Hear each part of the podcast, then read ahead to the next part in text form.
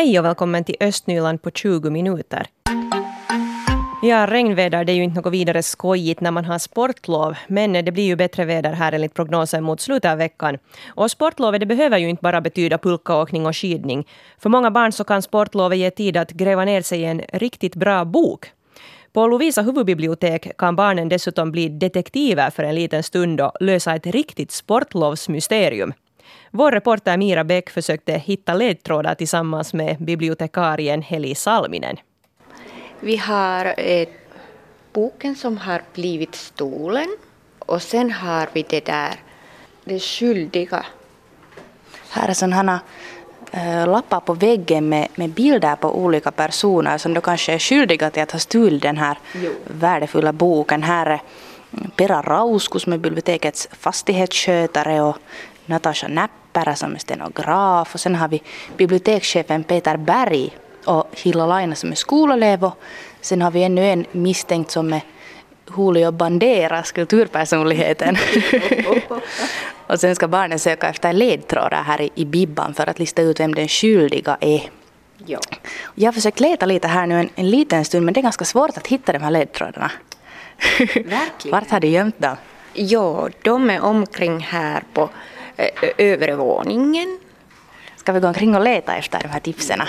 Du får visa lite. Vi kan fuska lite här, du som vet vart de är. Nu är vi här på barnavdelningen och här är massor med färggranna böcker och serietidningar och allt möjligt. Här är en hylla. Någonstans här borde det finnas. Ska vi se. Här är den. Aj, där! Här är fingeravtryck. Fyra olika fingeravtryck har hittats på brottsplatsen, alla från höger hand. Så ska vi lista ut vems det här fingeravtrycket kan vara. Okej. Okay. Du måste läsa noggrant de där avskyldiga beskrivningar. Och så kan man lista ut sen att vem som ja, har gjort det. Ja, ja. Det är liksom eh, de där tipsar de säger inte vem är den. Mm. Den säger vem det är inte. Okay. Alltså, när du har kollat alla fem tipsar och sen vet du vem är den avskyldiga. Vem är det som blir kvar sen? Ja, ja okay. det. Och är det så att den här, det här mysteriet är på gång nu hela sportlovet och, och sen bland de som har svarat så lottas det ut något pris. Det, det berättas inte vad det är för pris. Kan du ge något tips? Eh, det är någonting spännande och någonting som eh, har en sort av mysterie också. Aha. Jo. Så mysterierna fortsätter här på Stadsbibban i, Lovisa. Jo. Nå, hur är det, har du några bra tips på böcker åt, åt barn och unga att läsa nu på sportlovet? Så de kan komma hit och låna? Jo, eh, här finns ju många olika sätt. Nu jag har bildböcker, bilderböcker och för, för småbarn och sen har vi liksom det där börja läsa lättlästa böcker så finns ju också mysterie där. Mysterieböcker, spännande böcker där. Och. Vad skulle vara den bästa mysterieboken att låna? Vilken är din favorit? jag, tycker, jag tycker om att Lasse-Majas detektivbyrå. Okay. Ja, det är ganska bra. Ja, där fick vi ett boktips av bibliotekarien Heli Salminen från Lovisa huvudbibliotek. Det var Mira Bäck som hade träffat henne. Och det finns en artikel också här på vår webbplats på svenska.yle.fi östnyland som handlar om de här små detektiverna och mysteriet. Eh, det fanns inga barn där på plats medan Mira var på besök som hon skulle ha fått intervjua. Men säkert kommer det att dyka upp flera barn här nu under sportlovsveckan. Och det är ju skojigt med ett sånt här tvåspråkigt mysterium som man kan ta itu med. En sån här morgon när det är väldigt halt där ute på många ställen, speciellt min byväg var totalt isig. Jag tror inte jag hittade mer än kanske två sandkorn på väg till jobbet. Så då kanske man inte i första hand tänker på det här med vägdamm och pollen. Men eh, faktum är att redan nu i februari så kan astmatiker få symptom av damm på gatorna och av andra partiklar trots att våren nu inte så där officiellt ännu är här. Tove Selkälä och Barbro Hult vid Borgonedens allergi och astmaförening berättar hur de förbereder sig och hur läget ser ut just nu. För tillfället ser det bra ut för nu är det ännu så fuktigt på gatorna. Men där snön har smält så mycket att, att all fukt har försvunnit så då kan vi ha en ganska dålig vår för oss astmatiker. Hur snabbt tror du att det kan hända? No, det beror ju på hur fina väder vi har om vi inga får mera snö utan det var, den här snön som nu finns så försvinner snabbt så, så desto snabbare säger Barbro Hult, ordförande för Borgåneidens allergi och astmaförening. Och pollenrapporten på Åbo universitets nedsida Norko visar heller ingen aktivitet. Men Barbro Hult säger att hon redan har känningar som förutom vägdammet kan bero på partiklar som hämtats med sydliga vindar. Hur, hur har du förberett dig på den här våren? Det är ju nu det börjar hända. Ja. Eh, Ännu har jag inte gjort någonting. Jag tar mina vanliga astmamediciner. Jag tar astmamedicin två gånger i dygnet.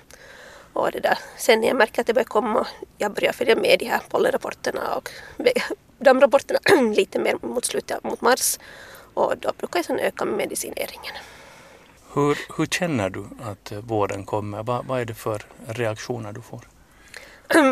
Tungt att andas är de första symptomen och sen det är främst med gatudammet men de kan också påverka ögonen och att de rinner och näsan rinner och det är typiska symptom sen för pollenet.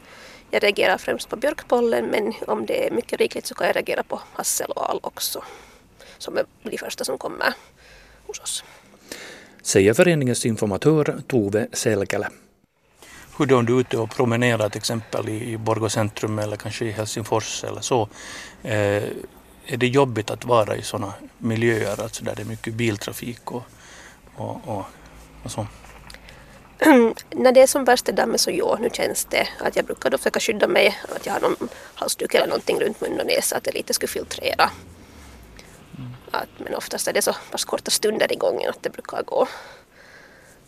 Ja, jag är diagnostiserad som det där lätt astma för tillfället.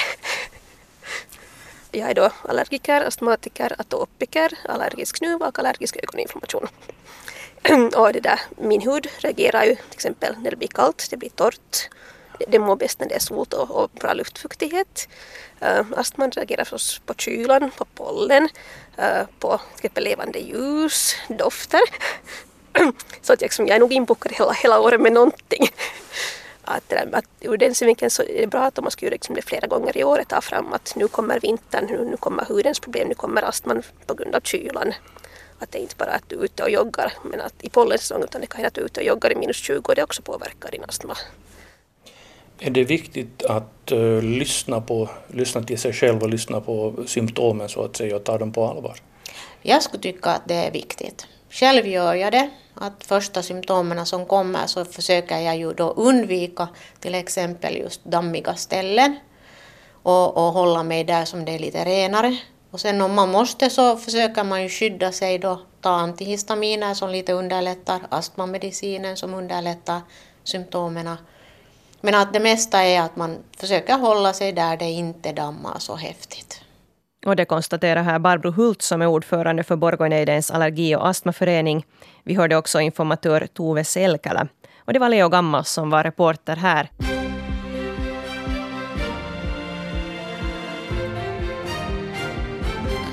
Klockan är halv åtta och du lyssnar på de östnyländska nyheterna med Helena von Aftan. God morgon. De rekordhöga skatteintäkterna från företag leder nu till att Borgostads skuldsättningstakt saktas av. I årets budget går det att minska på låneupptagningen med 10 miljoner euro. Stadsstyrelsen behandlade ärendet igår. Borgostads samfundsskatteintäkter ökar till över 30 miljoner euro och i budgeten förväntar sig staden 20 miljoner euro. De här skatteinkomsterna betyder att skuldsättningstakten saktar av men stadens skuld kommer ändå att stiga med cirka 10 miljoner euro. Fullmäktige ska ännu behandla förslaget att minska på mängden lån. Brukar du ringa Borgostads telefonväxel? Den här veckan och fram till 3 mars bandas samtalen till stadens växel. Enligt Borgostad bandas samtalen för att övervaka växelservicens kvalitet och utveckla arbetet. Och den som ringer får veta att samtalet bandas. Växeln har haft problem med att de som svarar i telefon inte alltid kan svenska. Och det är Telia som sköter växeln. En ung man åkte fast för att köra 152 kilometer i timmen på motorvägen på söndag eftermiddag. Hastighetsbegränsningen var 100 kilometer i timmen. Polisen stoppade bilen vid Harabacka avfart. Mannen som körde åt Helsingforshållet visade sig vara berusad och det fanns inga passagerare i bilen. Inga nya fall av mässling har dykt upp i Borgå eller Sibbar eller i Östnyland i stort. Det var för två veckor sedan som ett fall av mässling konstaterades hos en Borgåbo. Och för snart en vecka sedan konstaterades också ett fall hos en träskändabo. Det fallet kom att beröra också Sibbo eftersom personen hade besökt en hundsportsarena i Pajpis och kunde där ha fört smittan vidare. Och Borgåpolisen är kvar i polishuset som visade sig vara vattenskadat för cirka en och en halv vecka sedan. Personal som jobbat i fuktskadade lokaler har evakuerats till andra delar av huset. För tillfället utreder man hur omfattande skador det är frågan om. Och när det klarnar inom en till två veckor beslutar man om en eventuell flytt. I Lovisa där planerar man nu att ta i bruk ett kursboksbibliotek för gymnasieelever. Tanken är att man i framtiden vid behov ska kunna låna böcker i vissa ämnen istället för att vara tvungen att köpa dyra böcker. Och exakt då vem som skulle få låna och hur det här systemet skulle fungera är ännu öppet. Det här ärendet behandlades i Nämnden för fostran och bildning i slutet av januari och det kommer ännu till stadsstyrelsen. Jag har nu ringt upp Jenny Widlund som är studerandekårens ordförande vid Lovisa gymnasium. God morgon Jenny. God morgon. Vad tycker du om planerna på ett kursbibliotek? Jag tycker det är utmärkt då att eh, gymnasieböckerna är ju annars ganska dyra. Så det är ett fint sätt för gymnasiet att lite understödja eleverna. Ja. Nå, I hurdana ämnen tror du att man skulle kunna ha nytta av ett bibliotek? Uh, till exempel som uh, finska skulle till exempel vara en nytta då det är kanske liksom skild sån där textbok och så är det skild sån där uh, bok som man då skriver i. Så den där textboken skulle kunna finnas där i kursbiblioteket. Mm. Nå, hur ser du på kostnaderna överlag för böcker och annat material när man går i gymnasiet? Ja, det beror säkert på personen att får du understöd från föräldrarna eller behöver du betala med sommarjobbspengarna. Att eh, det är ju dy dyra summor är det nog mm. som det handlar om. Att, att de, eh, det är kanske inte så kiva om just sommarlovspengen som man har förtjänat går alltid i gymnasieböcker. Nej, precis. Har du mm. själv varit tvungen att avstå från någon kurs till exempel eller någon studieresa på grund av för höga kostnader? Jag har inte erfarenheten då jag alltid har fått stöd från mina föräldrar med de här kurserna och alltså. Så jag har inte behövt personligen avstå från en kurs på grund av kostnader. Mm. Har du diskuterat med kompisar? Men då funderar man ju alltid att, att vad, vad kostar boken nu i den här kursen? Ja, precis. Har du hört av andra kompisar hur de brukar göra? Är det nya böcker eller begagnat man satsar på? Man försöker ju alltid hitta begagnat men när det är ny läroplan så är det inte alltid sagt att man hittar begagnat. Precis. Så att kanske om man har några släktingar eller någonting som har gått ett år tidigare så kan man ha möjligheten att få därifrån begagnat men att annars kan det vara ganska svårt. Mm. Nå, ser du några andra fördelar som man skulle kunna satsa på nu, eller nyheter man skulle kunna satsa på i Lovisa än, än ett kursbibliotek? Nej, jag tror att det är ganska liksom, det är ett stort steg nog för Lovisa gymnasium. Jag tycker det är super att man funderar på att just understödja eleverna på det sättet. Fint. Tack ska du ha Jenny Widlund för pratstunden och du har säkert sportlov för tillfället du. Ja, ja, jag har fått lov. Vad sysslar du med på lovet? Jag försöker bara hålla mig aktiv. Just det, något skojigt som man har ja. tid med äntligen. Just det. Precis. Men fint, ha en trevlig fortsättning på sportlovet. Tack detsamma. Det var meningen att Majgret Saarinen skulle ta över verksamheten på Pellinge kursgård i Borgå från och med februari i år. Men av personliga skäl så drog hon sig sen ur det här projektet. Och då fick församlingarna här i Borgå börja fundera på vem som nu då ska börja ta över verksamheten där vid kursgården. Det är alltså Borgåförsamlingarna som äger den här gården och, och hyr ut den då till den företagare som verkar där. Den här frågan behandlades i gemensamma kyrkorådet i torsdags och då klarnade det att det är företagaren och köksmästaren Petteri Otto som ska ta över. Eh, Fredrika Sundén, vi har nu pratat med Petteri Otto. Mm, det var Hedvig Sandell som ringde upp honom här igår för att kolla lite att vad han har för planer för Pellinge kursgård. Så vi kan kanske börja med att, att höra lite vad han har för visioner. Mulla on, mulla on suunnitelmissa tota, vakiinnuttaa se, se tota, paikka semmoisena hyvän ruoan ja palvelun leirikeskuksena.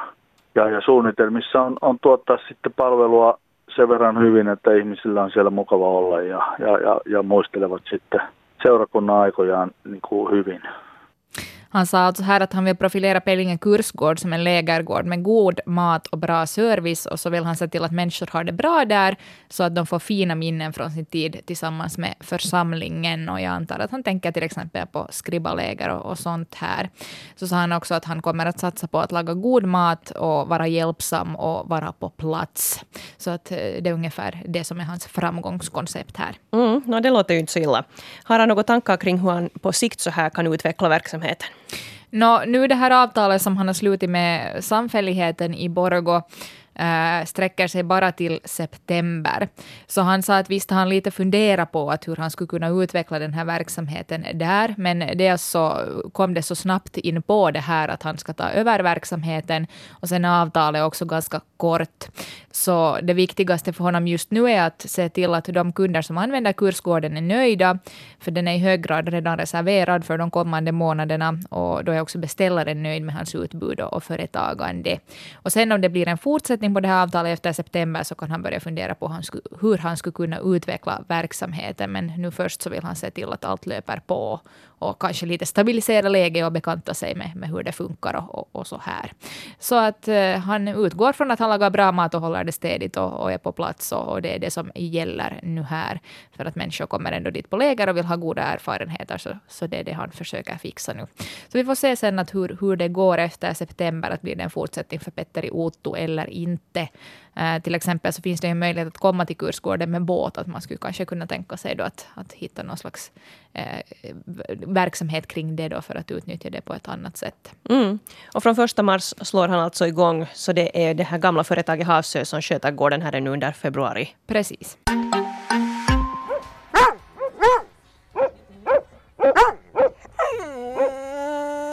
Har ni någon gång prövat att läsa för en hund? Nu har man chansen att läsa för läshunden Berta i Gammelbacka bibliotek på torsdagar, Fredrika. Mm. De har ju haft den här läshunden Berta där i Gammelbacka bibliotek, det var ett svårt ord att uttala, eh, redan tidigare, men nu ska den här läshundsverksamheten få en fortsättning under våren. Och Berta finns där i biblioteket på torsdagar från och med klockan 17. Och de skriver här i ett pressmeddelande att att eh, det hjälper till med att utveckla läsningen när man läser för en läshund. Den här hunden kritiserar inte om du läser fel och den lyssnar gärna. Eh, så det kan ju vara bra till exempel för yngre barn som precis har, lärt sig att läsa och kanske vill syssla lite med högläsning och, och utveckla eh, sina talanger där. Och varför inte för vuxna också som är hugade att läsa lite högt. Man ska boka tid på förhand genom att ringa till biblioteket eller sen via e-post. Och det är då kirjasto och g porvo.fi. Eh, den här adressen och sen också telefonnumret finns på Borgostads webbplats där under aktualiteter och nyheter. Eh, under den här artikeln Läshundsverksamheten fortsätter i Gammelbacka bibliotek. Så att, eh, ta nu chansen och, och, och far och läsa åt Berta. Här är en bild på Berta. Det är en sån här svart eh, fluffig hund som ser ganska gullig och sympatisk ut. Så, så det kan säkert vara trevligt att ha en liten lässtund med Berta där. Absolut, jag ska åtminstone gärna läsa för Berta. Och du sa Fredrika att du har inte läst för en hund, men du har läst för dig själv.